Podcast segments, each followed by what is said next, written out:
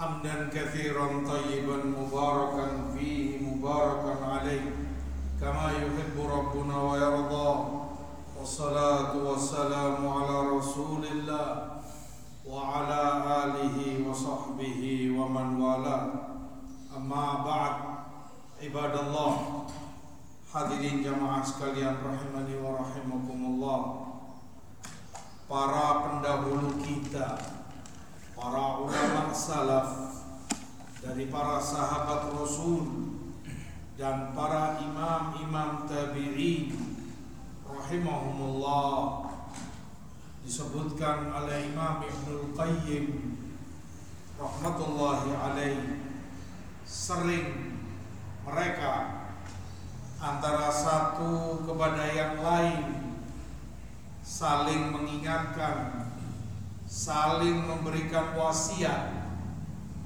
Bahkan mereka tulis mereka kirimkan kepada saudara-saudaranya yang lainnya tentang tiga perkara yang sangat mereka perhatikan.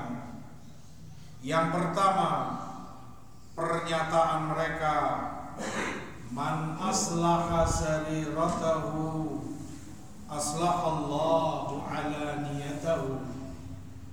Barang siapa yang membenahi batinnya perkara niat dan yang ada di dalam kolbunya maka Allah menjamin akan membenahi lahirnya. Perkara ini menjelaskan kepada kita pentingnya seorang hamba memperhatikan kondisi batinnya lebih ketimbang kondisi jasad lahirnya. Karena segalanya tergantung apa yang ada dalam kolbunya. Sebagaimana Rasulullah SAW sebutkan idza saluhat saluhal jasadu kullu wa idza fasadat fasadal jasadu kullu jika rusak segumpal darah ini akan rusak seluruh tubuhnya namun jika itu baik akan ikut baik seluruh tubuhnya yang lain. Demikian pentingnya kalbu. Apa yang tersimpan di balik dada masing-masing kita. Pengagungan kepada Allah, takwa, ketaatan, cinta kepadanya, mengamalkan segala ibadah, ikhlas, karenanya tiada niatan lain, tidak ada pamrih, untuk ria maupun sum'ah ingin mendapatkan popularitas dengan amal ibadahnya. Jika ini terus dia benahi maka lahirnya yang tampak dari dirinya akan Allah benahi. Allah yang menjamin untuk membenahi lahirnya. Tapi ironisnya mayoritas manusia lebih mementingkan pembenahan lahirnya dari penampilannya, pakaiannya, wewangiannya, kendaraan, tempat tinggalnya, makanannya dan segalanya. Jauh melebihi dia membenahi batin dan yang ada dalam kolbunya. Maka saling mewasiat para ulama salaf satu kepada yang lain benahi batinmu pasti Allah membenahi lahirmu. Yang kedua mereka sebutkan man aslaha ma bainahu wa bainallah. Aslahallahu ma bainahu wa bainan nas. Siapa yang membenahi hubungan antara dia dengan Allah maka Allah menjamin akan membenahi hubungan antara dia dengan orang lain manusia hidup tidak akan lepas dari dua hubungan ini. Dia kepada Allah penciptanya dan dia kepada orang lain sesama manusia. Dia kepada Allah dibenahi hubungan itu dengan tauhidnya. Iman dia kepada Allah ibadahnya selalu tunduk dan taat kepada Allah mengikuti ajaran Rasulnya. Selalu itu dia benahi ketakwaan yang menjadi hubungan dia dengan Allah. Dia tinggalkan segala kemaksiatan yang membuat Allah murka padanya. Jika itu dia benahi, dia jaga hubungan dia dengan orang lain akan Allah benahi sehingga dia menjadi orang yang dicintai orang lain, dihormati oleh orang lain, disegani dan wibawa di mata orang. Itu sesuatu yang menjadi anugerah dari Allah, tidak bisa direkayasa, tidak mungkin Orang dipaksa untuk cinta kepada dirinya, menghormati dan memuliakannya. Namun itu kuasa Allah yang Allah berikan kepada hambanya. Benahi hubunganmu dengan Allah dengan iman dan takwa, tinggalkan segala maksiat, pasti hubunganmu dengan orang lain akan dibenahi oleh Allah Subhanahu wa taala. Aku luma sami'tum wastaghfirullah innahu huwal ghafurur rahim.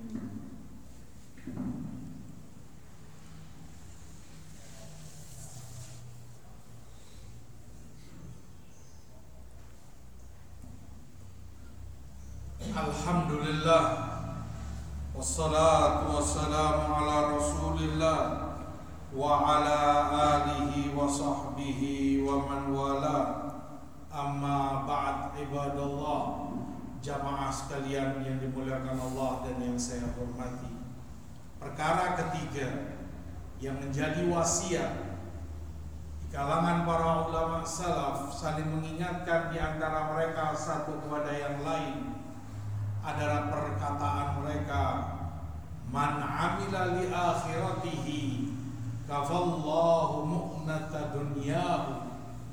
Barang siapa yang beramal demi akhiratnya Itu yang dia pentingkan. Segala-galanya adalah akhiratnya. Itu yang dia prioritaskan. Jangan sampai sedikit pun dunia Mengalahkan kepentingan akhiratnya Jika seperti itu seorang hamba Allah menjamin mencukupi segala hajatnya dan kebutuhan dia dalam hidupnya. Itu jaminan Allah. Selama akhirat itu yang selalu ada di depan mata dia. Sehingga dalam beribadah, dalam beramal, bahkan segala aktivitasnya yang terbayang dan ingat baginya adalah akhirat. Kenapa dia sholat? Mengapa dia puasa, zakat, sedekah, bakti kepada orang tua, zikir, doa dan yang lain-lainnya dari amalan kebaikan yang ada di pandangan dan ingatan dia untuk akhiratnya. Untuk akhiratnya agar di akhirat dia selamat dari murka Allah dan neraka ada jahanam. Agar di akhirat dia dimasukkan ke dalam surga. Dia beramal untuk akhiratnya. Akhirat itu yang dia ingat-ingat selalu dan dia pentingkan dia persiapkan bekal untuknya jika seperti itu maka urusan dunianya mudah Allah menjamin dan Allah cukupi dia mayoritas dari manusia lebih mementingkan urusan dunianya ketimbang perkara akhiratnya. Bal tu'thirunal hayatad dunia justru kalian lebih mementingkan urusan dunia kalian ketimbang urusan akhirat kalian. Padahal akhirat itu yang jauh lebih baik dan lebih kekal abadi fenomena dalam kehidupan kita manusia. Menyedihkan. Ketika seseorang hendak safar berpergian urusan dunia dia siap hadir di tempat sebelum pemberangkatannya mungkin satu bahkan dua jam. Takut tertinggal pesawat takut tertinggal kereta dan bingung. Dia pentingkan bagaimana agar dia tidak terlambat. Dia siapkan kendaraan dia pesan taksi. Dua jam paling tidak sebelum berangkat dia harus siap di tempat pemberangkatan. Urusan dunia sebegitunya manusia. Demi kesehatan jasadnya urusan dunia.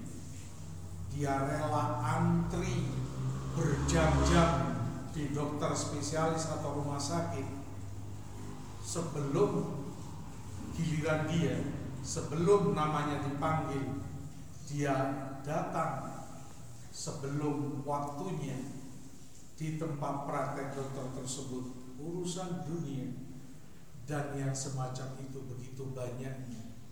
Namun untuk akhirat siapa yang datang ke masjid sebelum azan dikumandangkan. Bahkan setelah azan dikumandangkan masih sekian banyak orang keluyuran ke sana kemari tidak menjawab panggilan untuk sholat lima waktu di masjidnya. Tu'thirunal hayatad dunia demikian kalian lebih mementingkan dunia kalian daripada akhirat. Padahal Allah jamin kalau akhirat yang kalian utamakan, dunia Allah jamin untuk kalian. Mudah-mudahan Allah memberikan taufik dan hidayah kepada kita. Amin ya rabbal alamin. Allahumma salli ala Muhammad wa ala Muhammad. Kama sallaita ala Ibrahim wa ala ali Ibrahim innaka Hamidum Majid. Wa barik ala Muhammad wa ala Muhammad kama barakta ala Ibrahim wa ala ali Ibrahim innaka Hamidum Majid. Allahumma inna nas'aluka al-huda wa tuqa wal afafa wal ghina Rabbana atina fid dunya hasanah وفي الآخرة حسنة وقنا عذاب النار.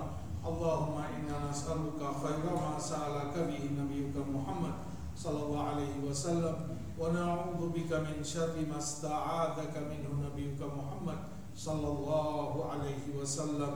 اللهم أصلح لنا ولاة أمورنا وارزقهم بطانة صالحة تعينهم على طاعتك. اللهم أصلح والعباد